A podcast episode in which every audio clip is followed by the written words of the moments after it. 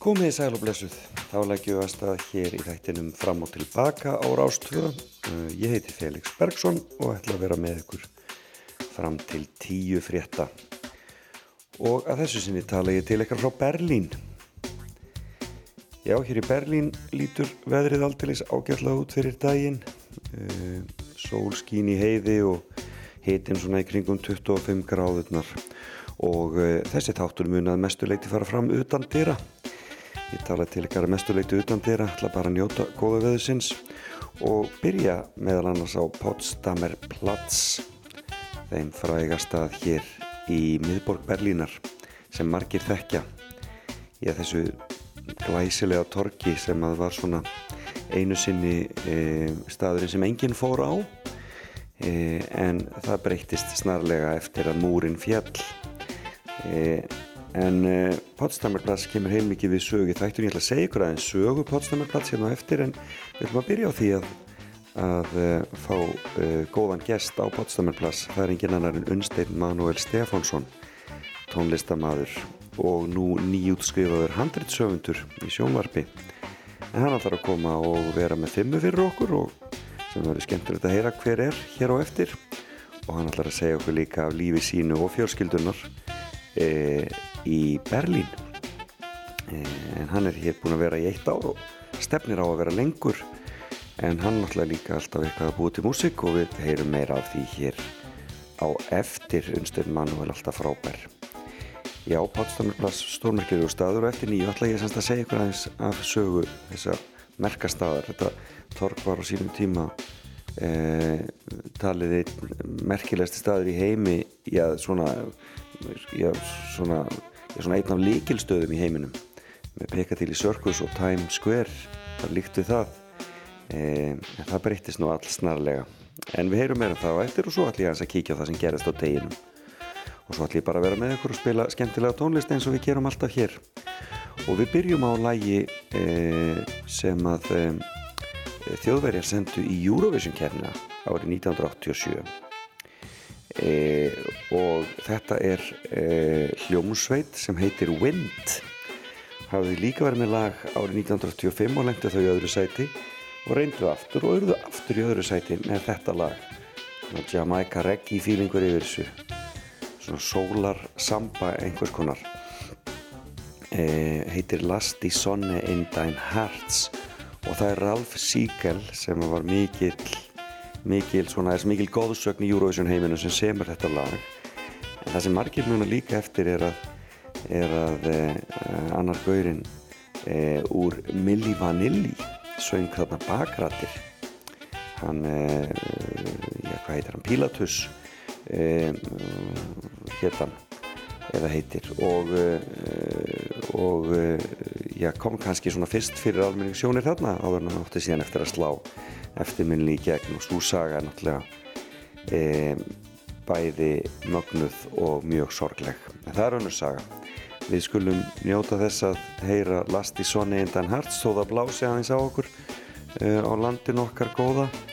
Þá er e, margt sem er ástæði til að gleiðast yfir. Það verður sólríkt við á landinu og svo er líka búið að fell og gildi allar sóttáðar aðgerðir. Þannig að nú bara njótu við sumasins og syngjum með þjóðverunum í vind, Lastisonni, Indar Harts og svo förum við Unstedt Manuel að ræða málinn eh, eftir þetta lag.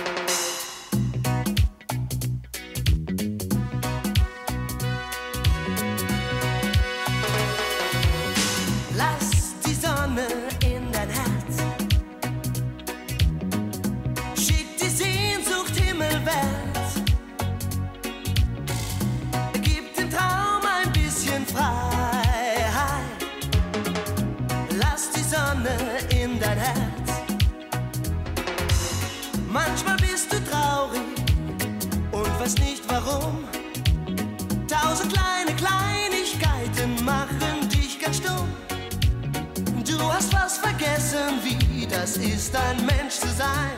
Doch du bist nicht allein.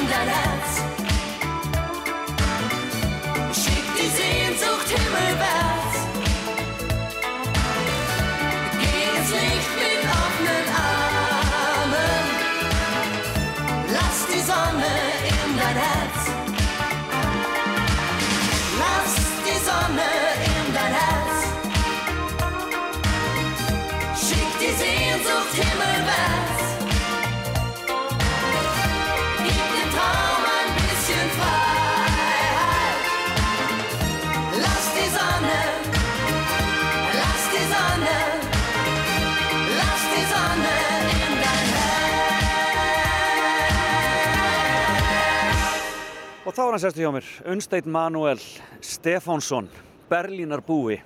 Þú sagði mér áðan þegar við hittumst að hérna Potsdamerplass sem við sitjum á núna sé svona eiginlega hef, hefði átt að vera þinn heimavöllur þetta árið. Já, hér er skólinn sem ég er búinn að vera að læra í undanfæraða ár en út af COVID þá vorum við sett í sóttvarnarhólf í, hérna, í, allt öðru hverfi sem er rétt hjá heimilum mínu sko, þannig að það var mjög fínt sko. Og það er nýri Kreutzberg eða hvað. Já, á Kottbúsertór og en já, það er búið að vera mjög fínt að vera þar og við erum bara útaf fyrir okkur krakkarnir í bekknum sko. Segðu mér aðeins frá þessu námi, hvað var það sem þú ætlaði að fara að, eða, og hvað er það sem þú ert búin að vera að læra hér þetta árið? Þetta heit, námið heitir Serialize og þetta er svona alþjóðleg braut í Þýrska kvikmundaskólanum fyrir handritshöfunda í sjónvarpi. Þannig við vinnum saman í herbergi og skiptum okkur í hópa að skrifa saman serjur svo erum við all, all, allt árið að þróa okkar einn þáttaröð og þá er, er þetta fólk sem er allt búið að læra ótrúlega mikið um kvikmyndir og búið að vera að vinna í sjónvarpi eða kvikmyndum áður en er núna að sérhæfa sig í að geta svona svarað kallinu frá Netflix eða HBO því það er svo mikil eftirspurn eftir európsku sjónvarsefni. Þannig að, þetta, þú bara, þannig að þú bara ert að vinda þínu, venda þínu kvæði algjörlega í krossens í rauninni. Já, sko, því að sko, ég, ég hef mjög mikinn áhuga á leikhúsi og bara, og drama og náttúrulega líka tónlist og það sem myndi svona fullkomlega að þetta væri söngleikir, sko en, en svo, ég, svo erfitt með það form en ég, ég alveg elska sjónvarsþætti uh, og þetta er vinna sem ég gæti, þú veist, tónlist er eins og trúabragð en þetta er eitthvað sem ég alveg elska að vinna með og mér finnst það ekkert svo ólíkt svona flakk á milli en það er ótrúlega margt sem ég þarf að læra upp á nýtt, sko Þú varst byrjaður í listaháskólanum. Já, ég var í listaháskólanum í eitt ár og það var alveg þvílíkt góður grunnur fyrir þetta. Bara að vera með Shakespeare í beinunum sko. En, en svo var eiginlega orðið of dýrt þegar allir tónleikar hættu í COVID. Það var orðið of dýrt að fara að vera námsmaður á Íslandi. En ég myndi eftir þessu námi að hann alltaf hugsað mér að fara í það einhvern tímann setna. Þannig ég sló til og gerði möppu alveg í tvo mánuði bara skrif út sjónvarstætti og komst svo inn. Þannig. Það hefur verið, ég meina, 12 manns, þetta lítur að vera eftirsótt hérna, eða ekki? Jú, og þetta er líka svona eiginlega eina sinnar tegundar í Evrópu. Því það er allt handritan á miðan svo mikið á bíómyndir. En við erum að spá í karakterum sem ert að fara að lifa með í áratug, kannski. Þú veist, ekki 90 mínútur á kvikmyndaháttíð. Þannig að það er daldið svona öðruvísi reglur, sko. Já, það er svolítið gaman. Það er náttúrulega endalist umræðefni er þessir, þessir Netflix þættir, skilur, og sögur sem að þurfa að duga í 10 tíma í staðin fyrir 90 mínútur. Þetta er náttúrulega heilmikið, glíma. Já, og mér finnst það mjög skemmtilegt að horfa á það leikið, sko. En svo má alveg tala um það með heimildathætti. Allt í eru allir, allar heimildamindir orðna serjur og það er verið að draga eitthvað mál í tíu klukkutíma. Það, maður saknar þess líka að horfa stittra efni, sko. En, en ég held að sé alveg möguleikar líka bara upp á að prófa eitthvað nýtt í forminu uh, sem er sjónvarp, sko. Já. Magnað, já, maður, eins og til þess hataramyndin, af því að hataramyndin stóð sem slík en hún var svona alveg á mörkunum í þremur þáttum. Já, já, ég, ég eftir að horfa á hana já. Hún er frábær, mælu með henni. Já. Heyrðu, en þú ert með fimmu og ég veit að hún tengist hjá þér hérna, sjónvarpnu og þessu sem þú ert búin að vera að gera hér. Já, ég hugsaði með mér, er þetta fimm söngkonur, fimm lög eða eitthvað sko. En svo ef ég segi þáttara, þáttaræðir eru fimm þáttaræðir, þá er ég alveg að maksa út. Þetta er alveg mörg, þetta er eiginlega þúsund klukktímar Já. af efni sko. Uh, sko fyrsta þátt, þetta eru fimm þáttaræðir sem komu mér í gegnum COVID. Ok, byrjaði í fyrstu. Það er þáttaræðir sem heitir Fleabag. Sem var, er, uh, það er leikona sem gerir einleik og þetta er þáttaræðir byggð á einleiknum. Uh, hún heitir Phoebe Waller-Bridges og já, þetta er bara æðislegir þættir, ég get mælt með því fyrir alla sko. Hver og hvert er, hvert er svona, hvert er premissið? Sko, þetta er sem sagt kona sem rekur kaffihús og hún er, hún, hún á mjög erfitt í lífinu sko, hún er, þetta er grínþættir sko. En sem sagt, hún er nýbúin að missa mömmu sína, hún er að fara í gegnum saklegt sorgarferðli eiginlega í tveimur serjum en allt, allt sem gerist, þú veist, það er eiginlega bara, húmórinn verður næst eins og dönsku þættin er klán, sko. Uh, en samt að fara í gegnum mjög svona erfiða hluti. En já, það, ég get eiginlega ekki spoilað, kannski ef fólk sé leikrið þá er svona eitt dæmi í lokin, sko. En maður kemst aðeins til lokin í fyrstu serju. En það var briljant að, þau náðu að gera svo aðra serju sem heldur alveg mikið uppi, sko. Og ertu búin að vera að liggja yfir þessu í vetur? Já, við áttum að lesa handritið og svo horfði ég á þetta og ég er líka alltaf að finna eitthvað sem ég get hort á heima Já. og að þetta var alveg perfekt í það og má geta þess að hann Daniel Craig, James Bond Já. hann sagði ef ég ætla að gera næstu James Bond mynd þá vil ég að hún verði í handrita teiminu þannig að já, það er alveg topp meðmæli sko. Já, Það er nú eitt saman þessu sjónvarsætti sem ég oft velt fyrir mér. Sko leikrit og hérna, já leikrit eru þannig og oft kvikmyndir að það er bara ein manneskja sem skrifar það. En af hverju, er, er, hvernig eru þessi teimi til í sjónvarpinu? Ég held að bara í Ameríku, þetta byrjar þar, Já. það eru kannski 20 þættir í einni þáttaröð, að hald, var, þetta er vél sem þarf að halda gangandi. Þannig að það er yfir handriðsöfundur sjórunur, hann er eins og leikstjórin. Hann ræður leikstjóra á framleiðendur og leikmyndahannuð alla og líka í þetta herbyrgi. Svo um leið og tökur byrja, þá getur sjórunurinn farið að vera með í tökurum, en herbyrgið heldur áfram að mala út þætti. Sko.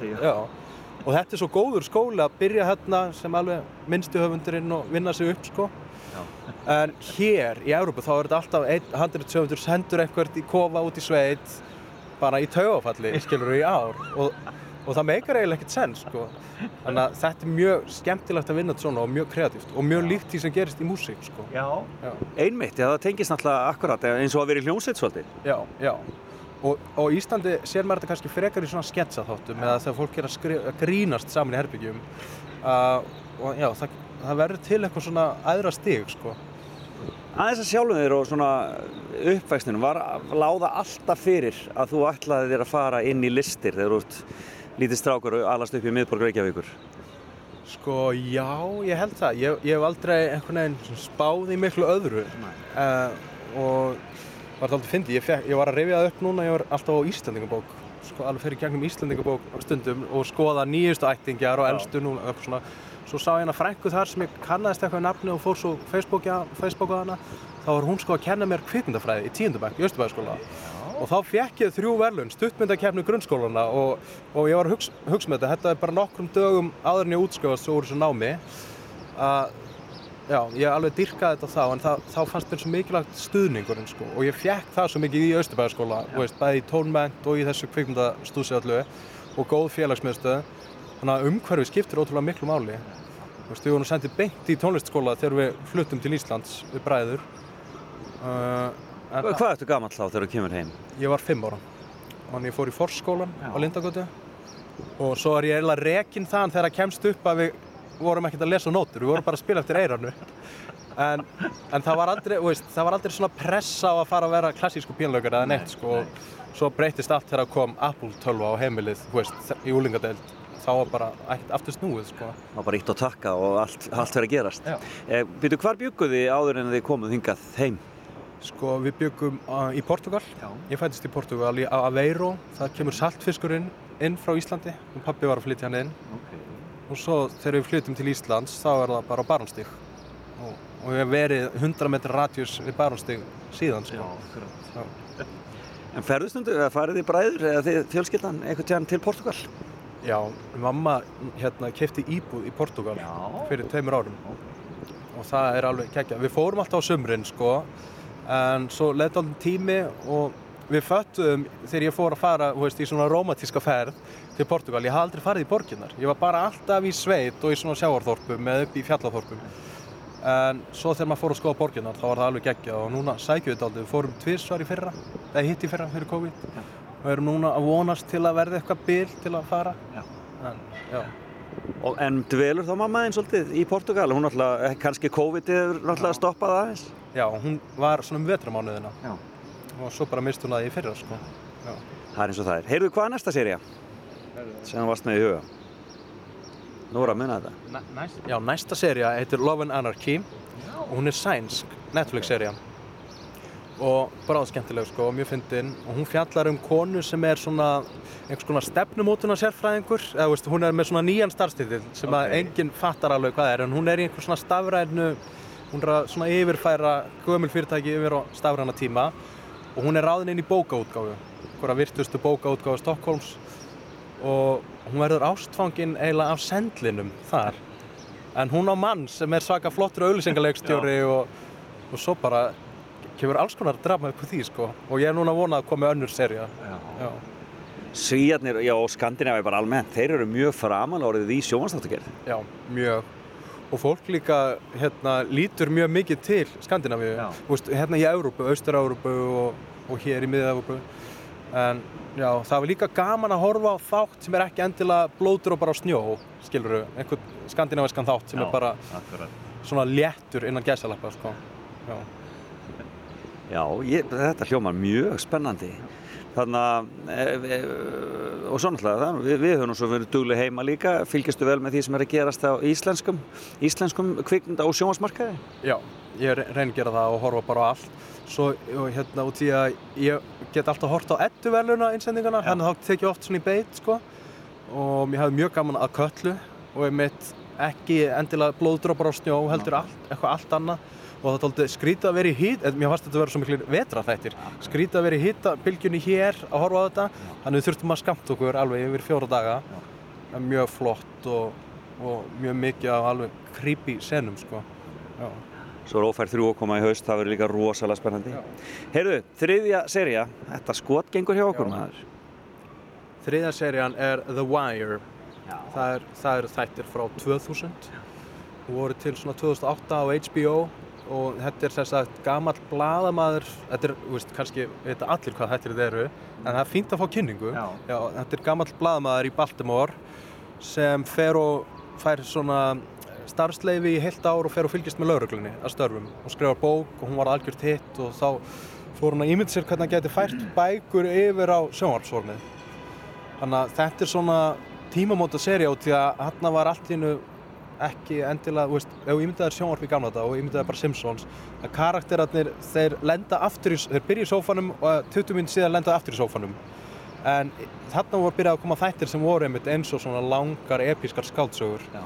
þannig að fyrsta þátturöðin fjallar um, um laurugluna, næsta þátturöðin fjallar um hafna, glæpi á hafnasvæðinu en það er alltaf svona sömu karakter í gegn. Síðasta þátturöðin er um bladamenn og næst síðasta sem er eiginlega mín uppáhalds hún er um skólakerfið í Baltimore. Og þá sé maður krakkana fara frá 10, 11, 12 og hvernig þau leiðast inn á glæpabröndina en allt mjög áhugavert. Og svo voru fengnir skáldsagna höfundar úr ein, einhver úr krimmadóti eða annar sem hefði verið kennari til að vera, veist, það var alveg þvílíkt vel mannað svona handrits höfunda herbergin, writers rooms mm en já, þetta voru geggjað þættir en þeir, voru, þeir þóttu ekkert þeir voru ekkert það vinstælu þeir kom, kom út akkurat. uh, og maður þurfti eiginlega maður þarf að horfa svona þrjá til að detta inn í söguna Sko, Jón Gnarrs gerði það sem skilir því að menn allir í samstarf með honum þegar hann var borgarstjóri í Reykjavík að þeir eru að horfa á The Wire. já, ég skildi það aldrei og svo núna í þessu námi, ég pynti mig, ég ætla að horfa á þetta Já. ég skildi það alveg 100% sko það er, það er ein serían er um bagtalda makki í borgarstjórn sko Já. og er æðisleg sko já, Það hljóma mjög vel, The Wire. Já, ég er ekki búin að horfa á neitt að þessu. Nú bara, nú bara, þessi listi fer inn á Facebook hérna á eftir og það verða allir að horfa á þetta allt saman. Það sem sagt- það, það eru margir klukkutíma framöndan. Herri, við skulum taka okkur smá pásu Já. og ef við ekki að hlusta á þig syngja Læjans Pálsóskar sem að þarna, þú tókst hérna í, fyrir okkur í sjónvarpinu í þarna, þættinum hans Matta. E, bara fyrir hvað ári síðan eitthvað svo leiðis? já, það er bara eiginlega nákvæmlega ár síðan Já. Svo var alltaf að vera að fresta sýningum og eitthvað svona út af COVID og svo er þetta allt í raun bara dagskrá. Ég hef, ekki hatt enginn svona hort á þáttinn sjálfur en hann vakti mikla lukku og svo vildi fólk fá þetta lag í spilun sko og það bara er búið að gera heilmikið fyrir mig og svona mitt sjálfströðs líka bara sem tónlistamæður sko. og fínt hérna í veist, maður er ekki búinn að stíga á svið í ár sko. Það er svona óverðrætt að heyra því svona strípaðan sko, bara með, með hermigerfil og, þarna, og þig einhvern veginn og röddina þína, þú er, þú er ekki oft gert svona. Nei, þú veist, ég, eins og þegar ég er að útsetja, það er maximalist, þú veist, það er allt, alltaf allt of mikið í gangi í einu. Já. Þannig að þetta var mjög gaman og líka Hermi Gervill, hann á bara mjög stóran partí þessu, hann er algjör snillingur sko. Eh, Sveinbjörn Tórótsen eða ekki. Já, Tórarensen. Tórarensen. Já. Eh, já, við skulum heyra lagið. Síðan ég sá þig fyrst. Alla göttu síðan eyði ég teginum með þig á heilanum. Síðan ég sá þig fyrst. Finnst mér ekkert annað mikil svært Merkilegt magna hvað ástin getur gert. Öll tengst við sjálfan mig rofinn Af ástin þín er ég dofinn Hvort sem ég væk eða sofi Ég set engin mörg Allt mitt er orðið að þínu Þú heldur á hjarta mínu Og nærir hvern mín og pínu. Er þetta ást? Kvæljast og þjást. Eins konar ást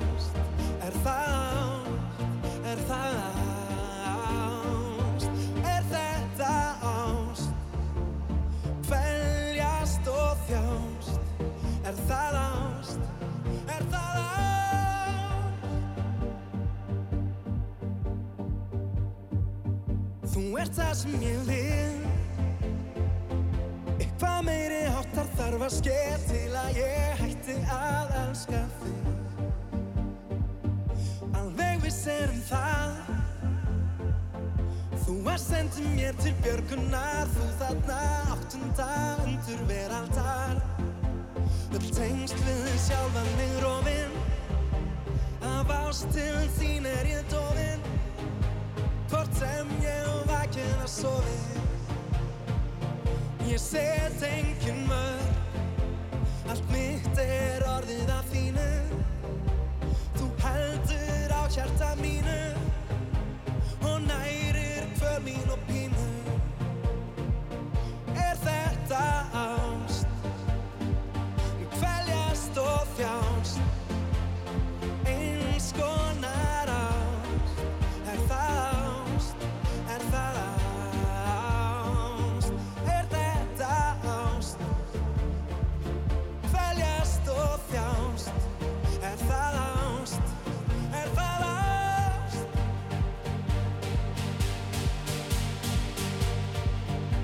Síðan ég sá þig fyrst. Allar göttu síðan eyði ég teginum með þig á heilanum. Ég er fastur í vef. Svona líður allur dagurinn Líka minn fókusinn er alltaf á þér. Öll tengst við sjálfan mig rofinn Af ástil þín er ég dofinn sem ég væk eða sofi Ég set engin mörg Allt mitt er orðið af þínu Þú heldur á hjarta mínu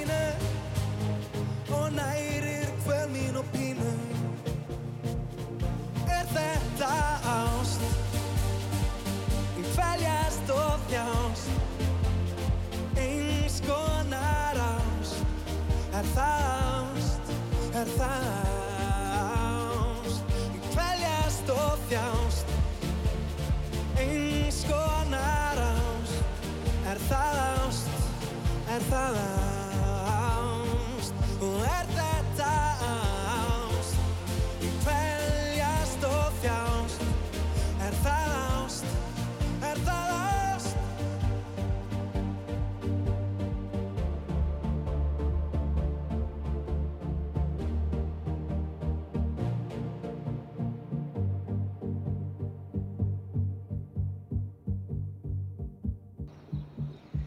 Já, þarna söng Unnsteinn Manuel Stefánsson uh, lagið Er þetta ást? Uh, lagið hans Páls Óskars og Unnsteinn situr hérna hjá mér. Við erum að fara í gegnum fimmun hans sem eru sjónvastáttar raðir og við erum búin með þrjár og við hefum tvær eftir uh, og uh, svona aðeins áður en við förum í næstu sjónvastáttaröð. Þú sagði mér að þetta lag væri að gera það að, að verkum og vinsaldir þess að þú væri kannski að fara svona í eitthvað skemmtilegt tónleika uh, mix í, í, í kjölfarið á þessu. Já, sko, nú, nú fer ég að gefa út mitt eigið efni, sko, þannig að þetta er búið að vera mjög fín upphittun, maður þarf ekki að fara í alla grunnvinnuna og kynninguna og allt það og svo er ég bara að byrja að bóka mitt tónleika og brúðkaup heima, ég er, ég er að koma heim í miðan ágúst og verði í mánuð og sapna þá í bauk til að koma með aftur hingað út, sko, akkurat. þannig að það er mjög fínt, sko. Safna í bauk, það er svolítið gott. En þið þurftur eitthvað sérstaklega að fá búst fyrir sjálfströsti sem tónlistamæður. Við múum búin að gera náttúrulega rosalega gott með Rettur og Steffsson. Sko, það, ég, get, ég ætla að kvóta hérna tweet eftir Sveinbjörn Tórarensen og hann sagði það er svo erfitt sem tónlistamæður meira þess að bara setja í þvottavél og það er enginn að klappa fyrir þér það, að það er erfitt að, að gera nokkuð á þess að fá kvartningu sko. þannig að það er alveg hægt að viðkjöna það sko. uh, uh, ég er búinn að vera og veist, líka að prófa alls konar í minni músík og hvað, hvað, það sem ég er að semja en bara að sé einhver sem er að hlusta. Já. það er geggjað sko. En, en þú veist, það er búið að vera mér finnst líka búið að vera mjög fínt að geta verið að semja og skrifa í COVID sko og ég er mjög heppinn sko. Þannig, að- Þetta er svolítið svona, þetta, svona, svona, þetta listamanns sko eh, að maður einhvern veginn, mann finnst maður alltaf vera svolítið að feika einhvern veginn. já, algjörlega. Og líka í dag, veist, með öllum samfélagsmiðlum og ég skil þá svo lítið sko, promotion partinn og þú veist, ég, við skrifum undir okkar fyrsta plötsamning hér í Sony að þá var ekkur vél og núna er þetta svo mikið maður sjálfur sko. Og en þú veist, það er gaman, það gengur vel sko. Frábært, frábært. Það verður gaman að fá þig heim í tólkaverð, að fylgjast vel með því og leiður okkur að fylgjast með því. En uh, fjórða serían sem þú ert með, Já, hún heit, fjóra serían heitir Lovecraft Country. Og þetta er HBO-sería byggð á bók þar sem er, sko það er hérna svona vísinda hrollveikju höfundur sem heitir H.P. Lovecraft. Og það var svo annar höfundur núna í nútímanum sem tók alls konar skrimslu úr hans bók og blandaði því saman við svona svona horrorsögur úr réttindabaróttur svartra í Ameríku. Og hérna, og já, og það er bara klikkuð serja sem kemur upp úr því. Og þetta er sem sagt hermaður sem kemur frá Vietnam og maður fær líka að fylgjast aðeins með svartur hermaður, fylgjast með hans baksögu þar og hann átti kærustu og hún var umskiptingur og svo fer hann í hérna, fer hann, wow, nú man ég ekki eins og hvað þetta var, kannski í Chicago og fer á flakk svona bandaríkin að finna einhver, skrimsli og hann kemst að því að hans, hans ættfaðir sem var hvítur þrælahaldari hann, hann var í einhverju svona töframanna gildi og þetta er, já, þetta er mjög flottið þettir og hver einasti þáttur það er eins og hann sé vísir að nýri serju þannig að hver þáttur er bara eins og bíómynd Já. en ég held að þetta er búið að fá mörg verðlaun og, og gaggrinendur bara ofandi hátt þar Já. en það var já, það var því, það, mér finnst er dálítið núna út af allir hérna um, allir umræðin um Black Lives Matter og þetta að það er mjög vandarsamt, þú veist, hvernig þú gerir þetta í drama, sko. Veist, og það er alltaf með stuttmynd sem var Óskarsvælun núna sem er maður að endur upplifa það að löggan skjótan, svartu maður og, og það, svo mynd það var svona allt og mikið fyrir mig ég bara gat ekki klára það og mér fannst það að vera svona næst í svona á grensunni sko Já. hvað má en hér er verið að gera þetta allt annan hátt sko og, og eins þættir sem heita Underground Railroad þetta er svona, ég er að skjóta þessin á Amazon já. eftir leikstjóra Moonlight. Einmitt. og þeir eru um, um þræla sem er að flýja Suðuríkinn sko í gegnum neðanjara svona leynisystem. Og þar er verið að fjallum ennum sársauka en það er verið að gera það á mjög svona fallegan hátt sko viðkvæmann skilur við Þetta hljómar svolítið eins og verið er að gera í köllu, það sem í rauninni er, þú veist að, þú veist að fjalla um í rauninni tilfinningar og söknuð og, og svona stóra, en samt að setur það inn í svona næstu í sci-fi eða svona undarlega, undarlega, undarlega aðstæður. Já, a- 100% og ég, ég hef aldrei verið mikil svona hrollvekju fann kannski að fara í bíó og með vinnu sínum, þú veist, eins og einsinni en að vera að dvelja í þessu kannski í nokkra vikur að horfa svona serju mér fannst það alveg magnað sko. Já. þannig ég hef miklu að trúa því formi. Segð mér eftir hvað hétt hún segir. Lovecraft Country Vá, spennandi. Heyrðu, þetta bara hljóma mjög vel. Hvað skrifaður hér í náminu? Skrifaður einhverja serjur eða eitthvað sliðis? Já, sko, ég er búinn að vera að skrifa bæði í hóp, þá erum við að skrifa svona young adult, svona úlingarserju um krakka í her, að byrja í þýska hernum, Okay. fallífa hermenn, en svo sjálfur þá er ég, sem er einstaklingsverkefni mitt, sem ég byrjaði á síðustöðun, þá er ég búinn að vera að skrifa serju um fréttamann á rúf, fréttaþul, ankormann, sem er hálf kúpverskur, svona afro-kjúpan, hálf svartur, Ok. og, og hann byrjar að hýsa flótamann heima hjá sér. Og svona brýtur í báa við allt frétta siðferði og vinnuna og fjölskylduna sína Já. svona valda mikill fjölskyldu. Og svona, og já, æventýrin sem hann lendir í. Þetta hljóma mjög vel. Og þú ætlar að halda eitthvað áfram með þessa hugmynd eða hvað? Já, eins og hér þá gerðum við sko konseptið og svona hvað sem er grindina að kannski tíu þáttum og svo skrifaði er ég búinn að skrifa tvissar fyrsta þáttin byrjaði aftur á þessu raun að skrifa hann svo núna í sögumar þar eiginlega skrifa hann svona í þriðja sinna en ég fyrir að kynna þetta Já, fyrir nokkrum sko Já. en þú veist, ma maður fær aldrei aftur svona tækifæri að vera með svona miklum atvinnumönnum sko að, að þróa eitthvað svona sko þannig að já, það var bara eins gott að nýta það vel Varstu ánægð með svona viðtökuna sem þú fjekst? Var fólk að fíla það sem þú hafði fram að færa? Já, já, mjög ánæður sko. Og hérna, og ég var kannski líka eini sem var að spá í einhverju svona pólitísku dóti. Fólk er líka að koma á löndum sem það kannski búið að fá algjört ógeða pólitík sko.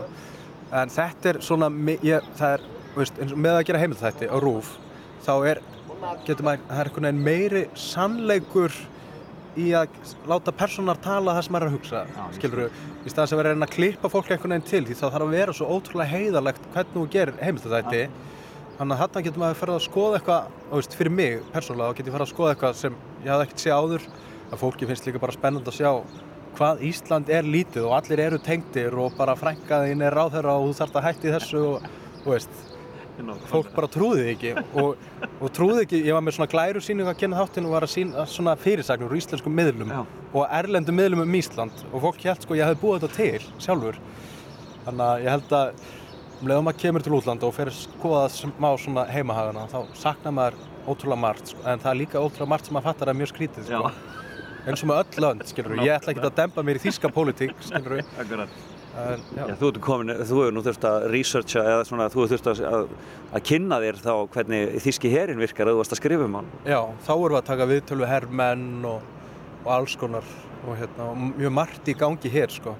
En þetta er líka, maður verður svo passív ég er svo mikill fréttafíkil, veist, það er bara rúf og vísir, tíu sunnum á dag að maður, það er líka eitthvað svo gott við það að vera útlendingur einhvers staðar. Og þurfu ekki að setja, þú veist, það er búið að vera skandalar hér með grímur og kristilegi demokrataflokkur og bara, þú veist.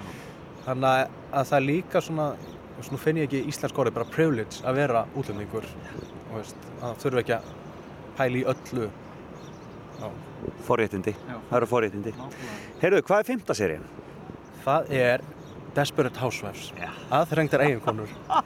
Já, þannig að þegar ég var að skrifa fyrsta handriti mitt á síðustörninu, þá var ég búinn að horfa á The Wire og svo sagði mentorum minn Já, heyrðu, ég sé að þú ert kannski búinn að vera að horfa dálítið mikið á The Wire. Þetta er svona dálítið svona út um allt hjá þér handriti svo núna er, er kæristu mín búinn að vera að horfa á Desperate Housewives. Við vorum að kaupa Disney og það er Desperate Housewives. Og við hún er núna komin upp á sjöndu serju ég dett svona inn í einn og einn þátt.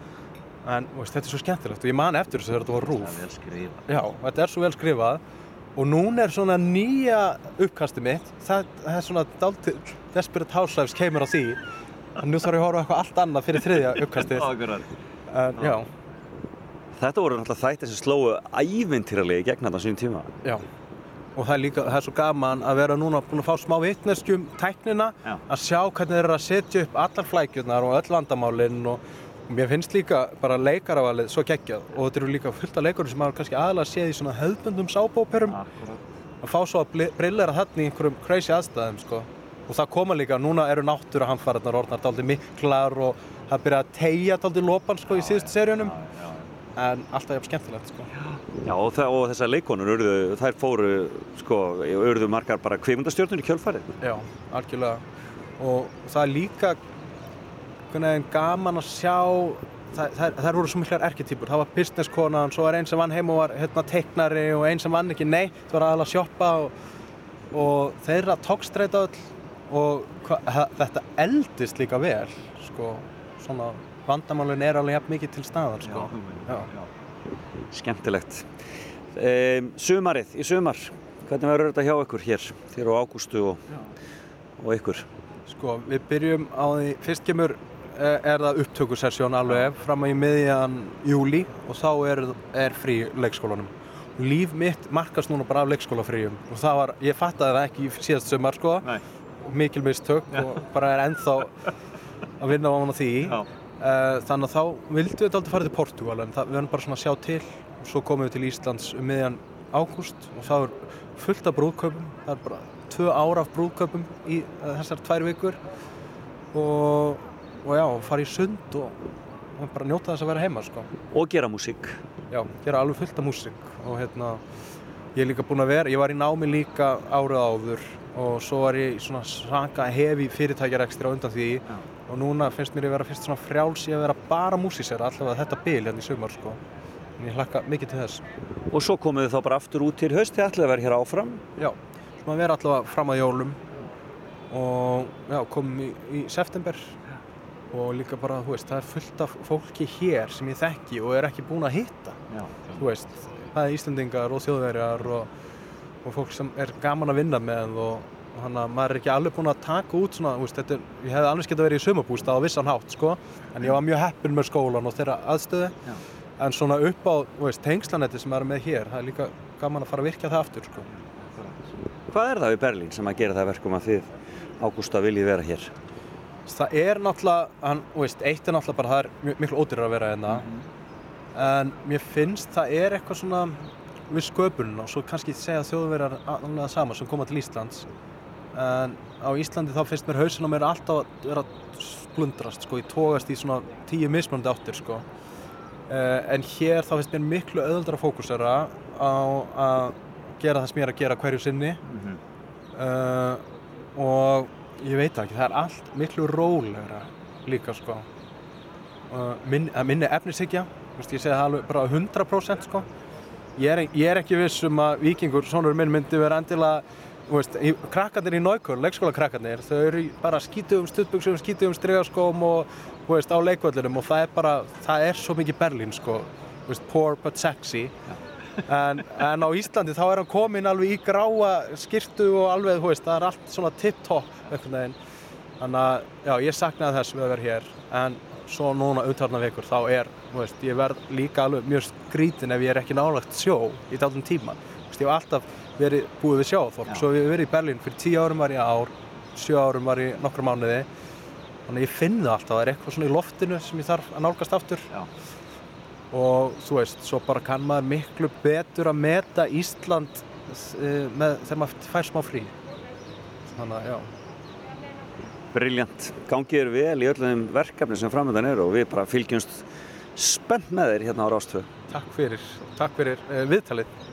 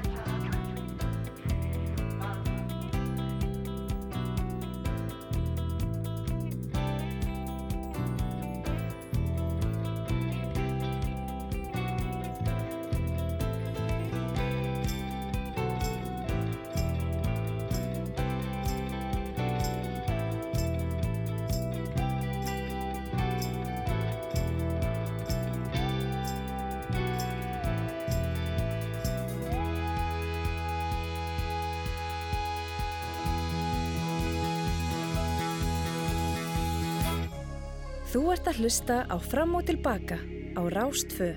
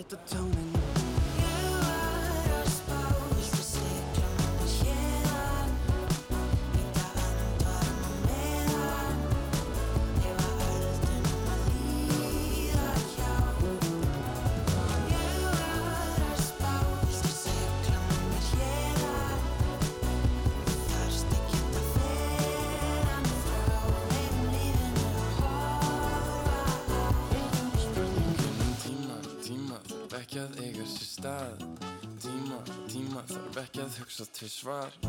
Tíma, tíma þarf ekki að eiga sér stað. Tíma, tíma þarf ekki að hugsa til svar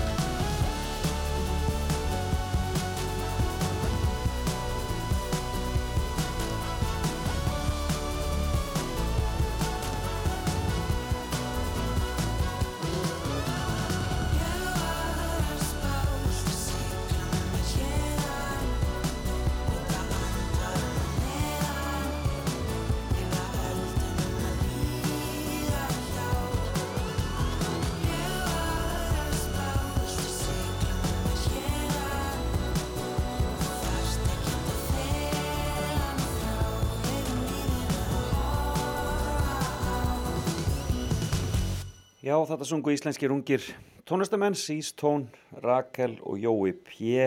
Þetta frábæra sumarlag sem að heitir Ég var að spá og þar á undan heyrðum við í Retro Steffsson heyri frábæru hljómsveit Unsteins Manuels og félaga eh, og lagið var Kimba eh, gaman að hitta Unstein alveg sérstaklega gaman að hitta Unstein þarna á Potsdamerplatz þar sem að eh, sjónvarsakademiðan og, og skólinn hans er eh, og eh, hann er greinilega alveg eins og fiskur í vatni hér í Berlín.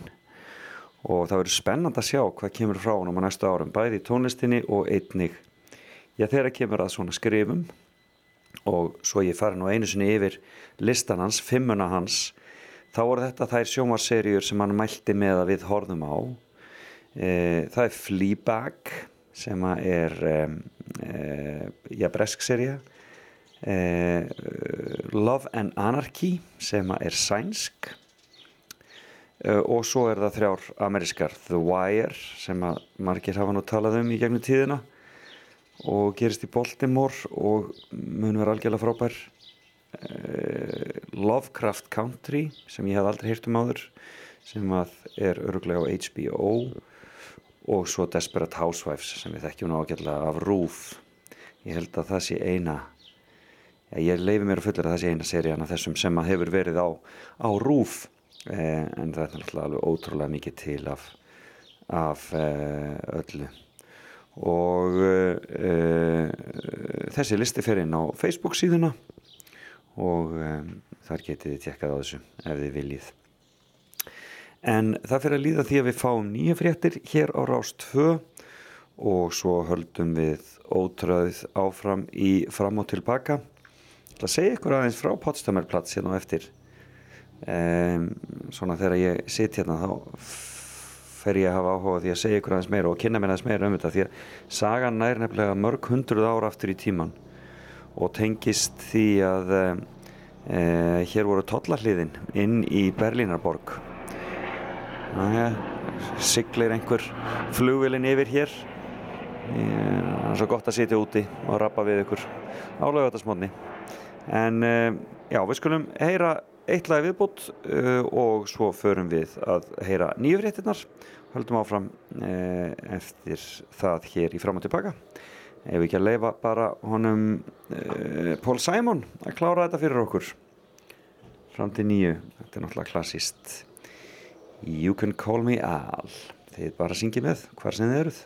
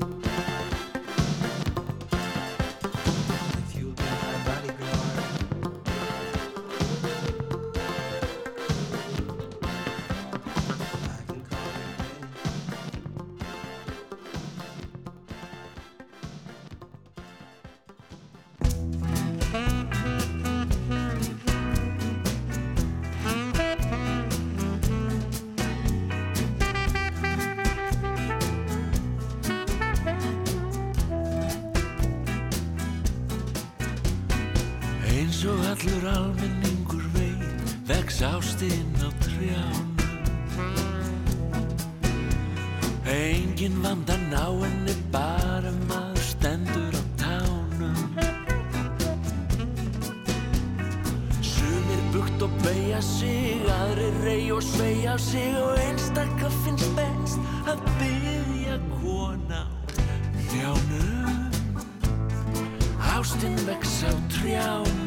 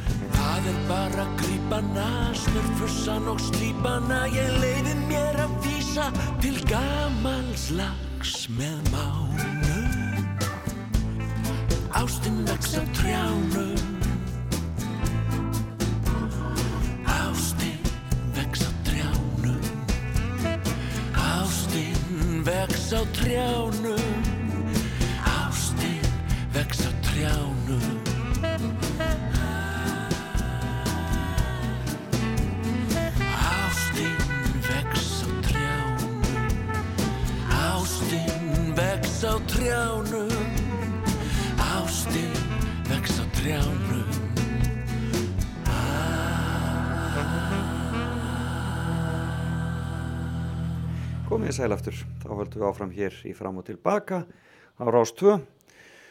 Eh, Ég heiti Felix Bergsson og tala til ykkur frá Berlín. Nú bara að taka þetta hér úti í góða veðrinu. Hér er 25 stegi hitti þessa helgina og indælisveður. Búið svolítið blöytt hjá okkur í vikunni en, en e, það er eins og það er. Og alltaf komast svolítið aftur í gang hér í Berlín eftir kórónu uh, veiruna. Hér eh, hafa smitt verið á mikilli niðurleið og, um, og bólusetningin gengur vel. Þannig að þetta lítur allt ágætlega út hér að minnstugasti í augnablíkinu e, og sérstaklega gott að sitja úti við á terrössum og í görðum. Það elska Berlín að búar og þeir farað vötnunum á þessum tíma. E, og það er sérstaklega gott að koma hingað, maður er ekki búin að komast hérna í marga marga mánuði þannig að það er gott að komast hingað til Berlínar Um, hér er náttúrulega fullt af Íslendingum og við töluðum veitn í morgun sem er hann unnsteit Manuel Stefansson sem er búin að vera hér í, í námi í uh, svona sjónvastáttaskrifum og hann var með fimm hjá okkur í morgun. Fimm sjónvastattaserjur sem hann meldi með að við myndum horfa á. Fleabag, Love and Anarchy, The Wire Lovecraft Country og Desperate Housewives Þetta þann listan má sjá inn á Facebook síður ásar 2 og þið getur hlusta á viðtalið eða þið mistuð að því bara hér inn á rúf.is eða á hlaðvarpinu síðar. En uh, hér á eftir alltaf ég að segja ykkur sögu uh, Potsdamerplatz. Um, það var þar sem við sátum við uh, við við Unstedt Manuel og töluðum saman. Og þar er átt í skólinn hans að vera. En það fór nú eins og það fór í koronaviru faraldrinum en þetta Potsdamerplats er stórmerkilegu staður eh, uh, Torkeri meiri Berlín. Og ég ætla að segja ykkur aðeins söguna svona, já, svona stikla aðeins á stóru bara svona nokkra punta sem ég fann hér með aðstóð þeirra hjá Wikipedia. Um, en já það, alveg magnað, magnaðu staður eh, uh, Potsdamerplats uh, eh, en fáum aðeins meira músík. No Doubt eru næst.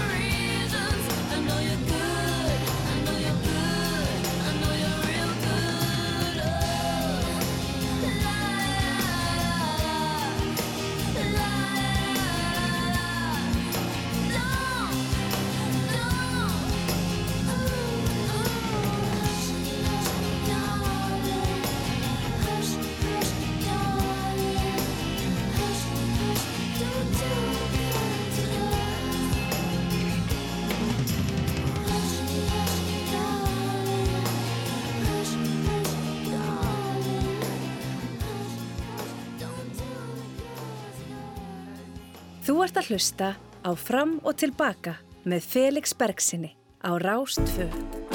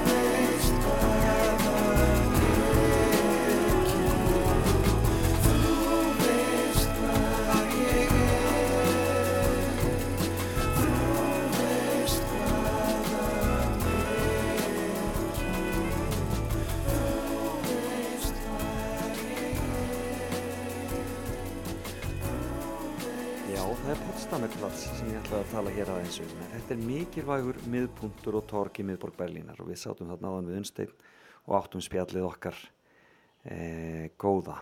En torgið er e, um kílómetra í burt fyrir Brandaborgarliðinu og þinginu Rækstak og nánagt suðausturhorni Tiergarten fyrir þá sem ekki hafa komið þarna áður. Og þetta torg dregur nafn sitt eftir borginni Potsdam sem er í 25 km í suðvestur á Berlín og á torginu fór gamli vegurinn frá Potsdam inn í borgina í gegnum Potsdam hliðið. En sögutorgsins má víst rekja allt aftur til ársins 1685 þegar Fredrik William sem ég held örgulega hafi heitið landstjóri í Brandenburg, Brúslandi skrifaði undir yfirlýsingu um að stórir hópar flótamanna eh, flestir flótamenn vegna trúabræða mættu setja stað í og í kringum Potsdamerplatz. Því komu bæði gýðingar og húkanóttar og settu stað á sveðinu. Þetta mun nú vist ekki bara hafi verið að góðmennsku sem þetta var gert eh, og ákveðið heldur einni í efnæðslegum tilgangi enda. Höfðu stríð náttúrulega gert allt efnæðslega mjög erfitt og um, svo stækkaði eh, Berlín vist mjög hratt á þessum tíma og það vantaði bara pláss hreinlega fyrir fólk. En Potsdamerplatz var í rauninni ekki hluti af Berlín á þessum þessum tíma stóð fyrir utan stóð fyrir utan tollamúrana. Um, um, Potsdamerplatz eins og ég sagði þann var nefnt eftir borginni Potsdam sem er í suðvestur frá Berlín en, en þetta torg verður náttúrulega til það sem að margir sveitavegir komu saman og auðvitað snýrist um verslun svona eins og allt. E, þarna var hægt að versla og þetta var eins og ég segði áðan rétt fyrir utan tollamúra e, gömlu Berlínaborgarinnar og Potsdam sem að ég hef talað um borgin var mjög mikilvæg enda um, hafði Friðrik annar prúsakonungur byggt sér það höll árið 1740 hann mun hafi verið lítill aðdáðandi Berlínur og vildi setja stað í Potsdam en það þýtti það að það eru að vera góð samskipti og samgangur millir þessari tvekja borga. E, en e, í dag er mjög vinnselt að fara til Potsdam og, og fara þar um e, fallega garda og skoða fallegar hallir ég get mælt með því. En aftur að Potsdamer platsin kemur við sögu í öllum mikilvægastu viðburðum í sögu Berlínar. Þar var fyrsta lestastöðin reist árið 1838 og enn tengdi, snýrist þetta um tengingar við Potsdam. En þessi uh, lestastöð var því að miðbúntur í ferðum út um allt. Uh, svona svipað og gömlu sveita veginir höfðu verið hérna 200 árum áruð, áður.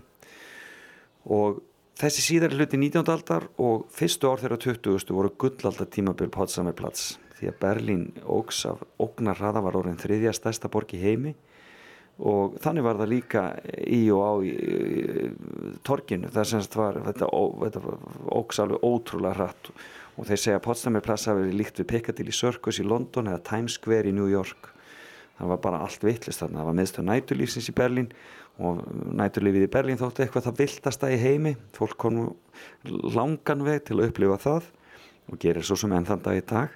Og þar var meiri umferð fólks og farartækja en á nokkrum öðrum stað á heimskrílinu og þarna voru bjórhallir og veitingastæðir og risastór hótel. En e, það er síðan eftir 1930 sem Hitler kemst til valda. Og í huga hans og Albert Speer leik Potsdamerplatz stórt hlutverki framtíða draumum eh, nazista eins og menn vita þá átti hinn nýja Berlín að verða höfuborg Germaníu og heimsins alls og Potsdamerplatz var sannarlega inn í þeim plönum. En það fór eins og það fór og Berlín og Potsdamerplatz var algjörlega rústað í hrikalegasta stríði aðra stríða síðar heimstyrjöldinni sem laug árið 1945 eins og allir vita. Og við tóku tæp 50 ár eða 50 ár þar sem hefði glæsilega torg var með tímanum algjörum draugabæ eigðumörk á milli vestur og austu Berlínar aðskilin með hræðilegu múr frá árunni 1961 þeir segja þó að, að það hafi strax byrjað eftir stríðið smá vestlun og viðskipti í rústunum á um, bara svona á fyrstu hæðunum hérna á Potsdamerplatz og uh, lest, lestirnar komast fljótlega aftur í gang en þetta var aldrei samt og sérstaklega eftir 61 þá var þetta bara algjör drauga draugabær og var eiginlega, þetta var eiginlega skýrjasta byrtingamind kaldastriðsins Potsdamerplatz og margir stjórnmálamenn í vestrinu komu að torkinu vestan meginu þetta og heldu fundi við múrin og horfðu yfir að þetta fyrrum uh, glæsilega tork sem var orðin eins og ég segi bara ég er bara einhver einhver ljótur akur uh, en það er síðan 1989 sem að múrin fellur eins og fræktur orðið og árið 1990 held Roger Waters fræga tónleikaðar uh, sem sagt árið síðar eftir að múrin hafði fallið og var, þar lísti hann og fleiri listamenn og Berlínarbúar yfir þeirri einlægu óskum að borgin er saminuð ný og Potsdamin platsa hafið aftur til vex og virðingar og menn fóru fljótlegi það að skeipilegja þarna e, torkið aftur og e, á mjög nútímalega máta og fullt af fyrirtækjum sérstaklega þýskum komið að því. Í dag er torkið að fullu byggt og aftur orðið mikið aðdraftarafli fyrir þærðalanga og þarna eru kvimdahús skrifstofur, kannski sérstaklega fyrir allskeins listræna starfsemi útkáfi fyrirtækja og annað slíkt.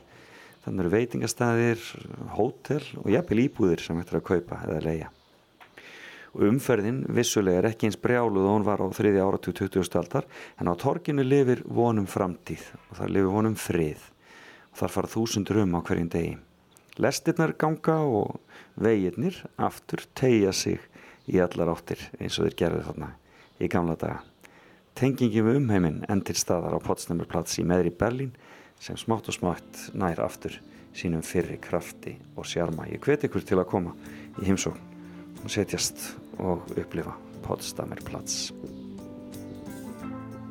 Is it getting better? Or do you feel the same?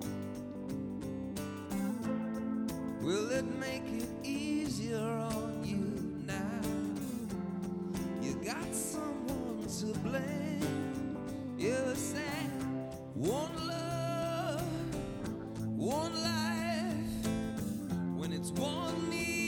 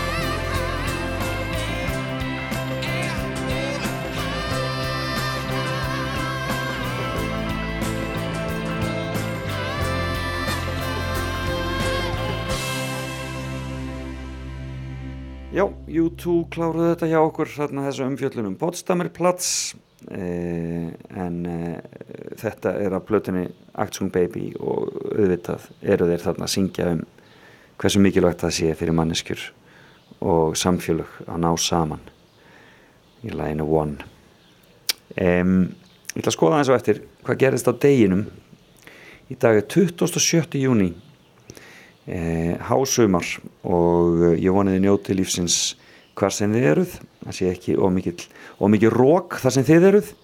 Eh, eh, en sól og blíða vonandi. Eh, fáum hér eitt lag fyrir auðlýsingar þetta er Páll Óskar uh, og Byrnir og spurningar. Stóra spurningar heilin minn spyr Hjarta mitt er ekki með svar. Ég slegg úr símanum mínu Bara svo að þú veitir það. Stóra spurningar gottu yfir. Ekkert er eins og það var. Ég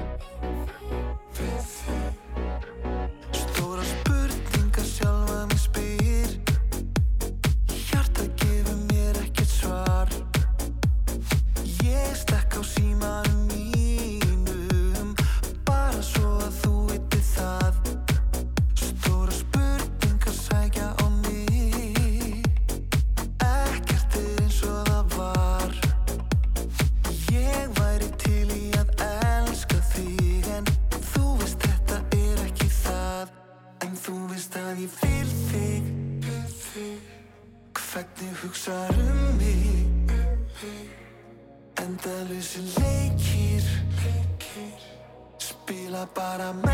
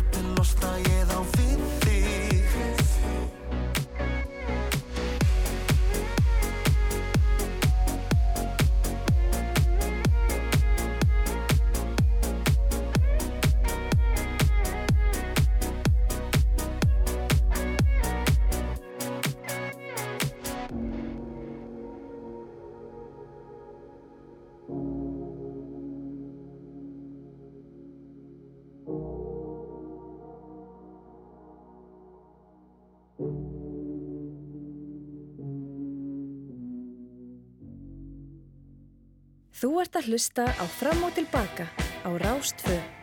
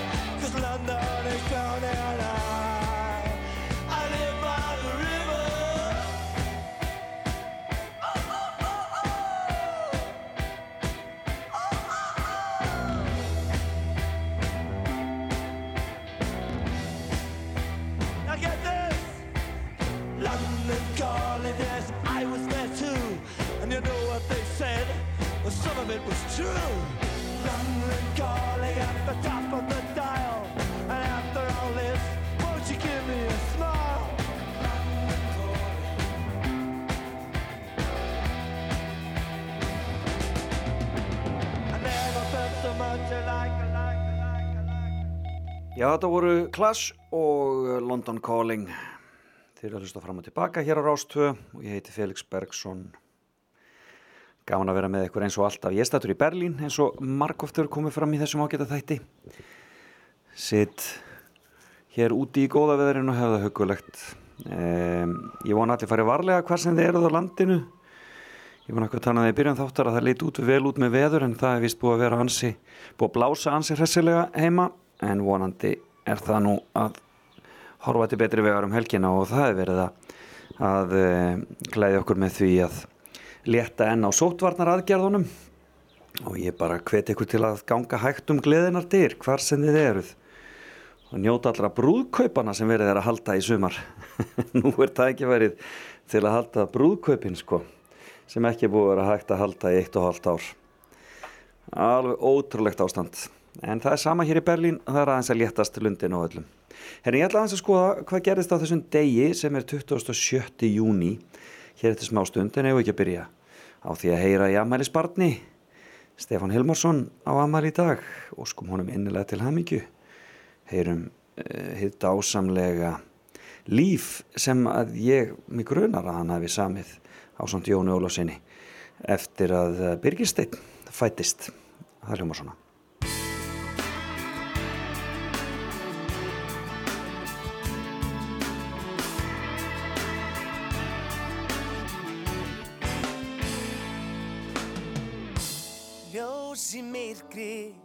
langt og mjótt Markar upphafið hjá þér. Allt í einu ertu komin Inn í heiminn lítill dofin Dregur andan Hið fyrsta sinn. Þú ert vorin Vindur hlýr Vekur hjá mér nýja kenn. Og ég græti gleði minni Þú gefur mér með návistinni Svo miklu meira En trúði ég. Líf, ljómið þinn er stínandi skær. Líf, auguð þín svo saklaus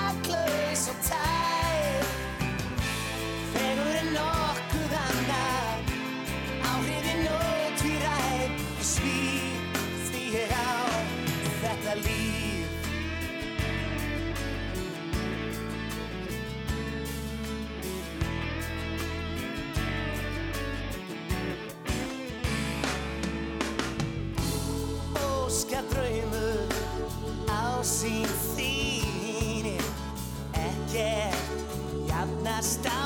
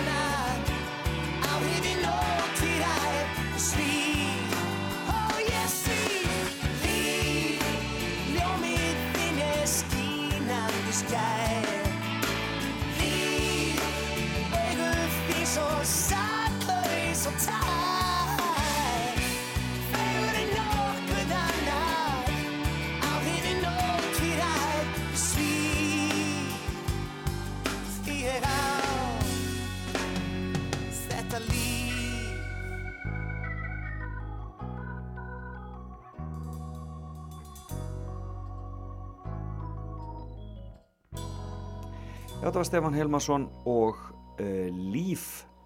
En uh, Stefán uh, fættist á þessum degi árið 1966 og það tveimur árun síðar þá fættist Guðinni T.H. Jóhannesson sem er nú fórseti Íslands hvorki meirinni minna. Já já, þannig að þetta er stórmerkilegur stórmerkilegur dagur. Óskum þeim báðum innilega til hamingju með hann. En um, e, þetta er sem sagt 177. dagur ársins e, og e, því ekki nema 188 dagar eftir af árinu svona líður þetta nú hjá okkur en það er nú ímislegt sem hefur gerst á þessum ágæta degi til dæmis árið 1342 þegar svíjar unnu sigur á dönum í orustu við Kaupmannahöfn Já, alltaf verið eitthvað að slást eitthvað staðar og Ríkarður III líst þessi konung Englands á þessum degi árið 1483 og uh, norður héruð Niðurlanda líst við sjálfstæði frá Spáni á þessum degi árið 1581 Svo eru hér jákvæðar fréttir þegar bannfæring var numin úr lögum á Íslandi árið 1782 og árið 1809 leti Jörundur hundadagakonungur hengi upp auglýsingum þar sem stóð meðal annars Allur danskur myndugleiki er upphafinn á Íslandi. það munur ekki um það. Já, það er verið að horfa á uh, þættinum Kötlu en árið 1823 hófst Kötlugós á þessum degi með stór hlaupi úr Mýrdalsjökli sem skemmti bæði jarðir í Mýrdal og Áltaveri. Já, það munar ekki um það. Um, það er margir sem kvíða því þegar Katla fer að láta á sér bæra. Um, síðan er það 1847 þá á þessum degi var aðaljótbröðustöðin í Kaupmannhöfn tekinni nótkun, við þekkjum hana nú vel sem hér uh, á Íslandi erum. Allir komið ykkur tíðan við á hóðbarngórn gaman að því. Og um, árið 1900 heldur eifyrðingar uh, aldamóta samkomu á Oddeyri á þessum degi. Það komu á þriðja þúsund manns. Það hefur nú verið aldrei lis það hefur verið skemmtilegt. Um, fyrsta loftskeiti Erlends frábars til Íslands á þessum degi 1905 þetta var Marconi skeiti frá Englandi og var tekið á móti því í loftskeitastöð við Rauðará í Reykjavík og 1800, nei, 1928 hófust boranir eftir heitu vatni í Laugardal í Reykjavík. Já. og þessum degi árið 1930 var alþengisháttíðin sett á þingvöllum. Og þangað komum 30.000 manns og háttíðin stóði þrjá daga. En við kunum að skemmt okkur. Við kunum að skemmt okkur. Þetta er mjög merkilegu dagur, það er svo margt sem hefur gerst á þessum degi. Stoppsáttmáli saminuð þjóðana var undirritaður í San Francisco í bandaríkjunum af 50 stoppn aðilum og Madagaskar fekk á þessum degi árið 1960 sjálfstæði frá Fraklandi svo var mjög fræg síning þegar Margot Fontaine bresku listansari kom til Íslands og held á þessum degi síningu í þjóðlíkhúsinu og fekk mjög góða dóma. Þetta var 1972 uh, og árið 1973 hætti heimæjar gósið í vestmannum að bæra á sér eftir fimm mánada gós Úf, það var nú gott að því laug, það er næins gott.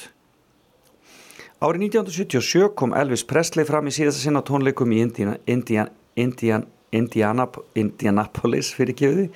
Það stundum þessi, þessar, þessi breski framburu, neða þessi bandarski framburu stundum svolítið erfiður, en það er Indianap, Indianapolis sem að Elvis Presley kom síðast fram og árið 1978 eh, sprengdu brettónskir aðskilnaða sinnar sprengju í versölum og skemmtu eh, konungshöllina mikið. Játbrendi vestmenn á grundatnangahús starfsefni sín á þessum degi 1979 og eh, árið 1986 hafnaði mikill meiri hluti á Írlandi því að heimila skilnaði. Já, hérna hér. Þetta er alveg, alveg magnað. Og þarna e, Írar hafa nú mikið breyst síðan þetta var. Árið 1992 e, framleiti áfengis og tópasælur ríkisins síðustu brennivínsflöskuna. Og aðfændana þjóðminnesafninu til varðveislu en fyrsta flaskan var framleit 1935 og er einnig varðveitt í safninu. Og árið 1992 á þessum degi vann Danmörk Evrópikeppni Karla í knaspinu með 2-0 sigri á Þýskalandi. Þetta er náttúrulega einhver mesta öskubösku saga í, í öllum allir í fótbolta sögunni þegar að e, Danmörk vann Evrópumótið í fótbolta og kannski er nú bara, eru þeir byrjaðar aftur? Hvað getur maður sagt? Þetta verður gríðalega spennand að sjá. Þeir eru að spila í dag, held ég Danir öruglega, við Wales. Ef ég ef, ef mér skjöplast ekki en ég skal vera með það betur hér á eftir. Hand ykkur. Svo það sé nú alveg á reynu svo ég sé nú ekki að tala einhverja vitlisu um, hvað er meira? Jú e, fórsetakostningar á Íslandi 2004 þá var Ólafur Ragnar Grímsson endur kjörin fórseti Íslands. Og uh, árið 2015 dæmdi hæstiréttu bandaríkjana að bandarísku fylkin gætu ekki bannað hjónabönd samkynneira jájá, það var aldrei gott hjá þeim að gera það. Ekki spurning. Jú, Veils og Danmörk í dag klukkan 16 og Ítalía og Austuríki í kvöld nú er þetta fyrst að verða spennandi. Ég held að býði margir eftir leiknum á þriðudaginn þegar England og Þískaland mætast. Það verður það verður barist eh, til síðasta manns síðasta blóðdrópa já, gaman að því. En það er líka fullt af amælisbötnum og ég spilaði hér Stefán Hilmarsson á þann og við skulum klára þetta með öðru amælisbötni hún er fætt 1993 og heitir Ariana Grande Butera og eh, er gríðalega vinsæll amerískur tónlistamæður og syngur hér með Lady Gaga. Og uh, þá látum við um fjöllunum það sem gerist á deginum. Lokið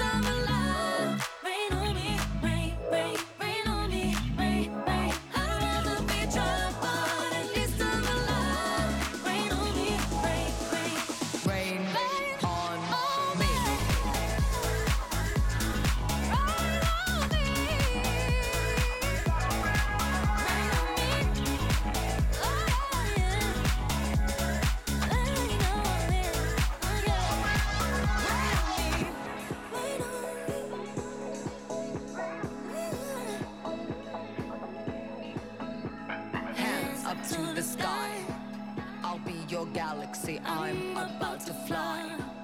Rain on me, tsunami.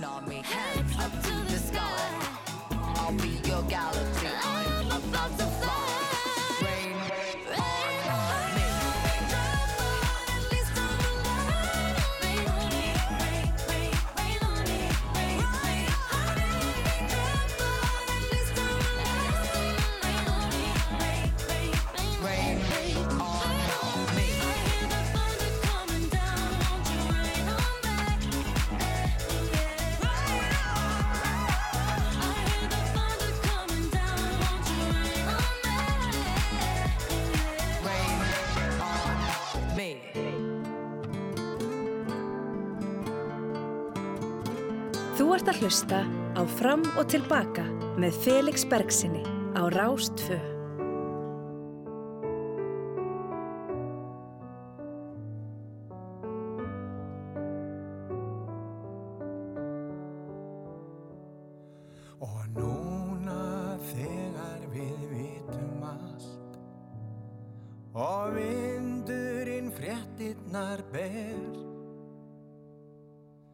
Okkar og öllum er orðið kallt Og bænir okkar brotna sem gler.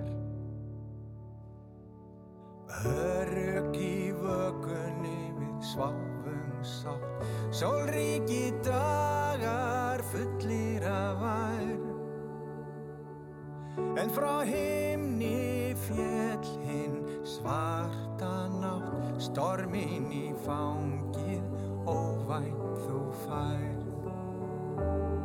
Og ég beið á horni hamingjunar Eftir stelpu eins og þér. Og þú komst úr fangi sorgarinnar í fangið á mér. Ormin villast enga finna leið. Það er sárt en þannig er það. Sumir segja leiðin sé alltaf greið En enda svo á raungum stað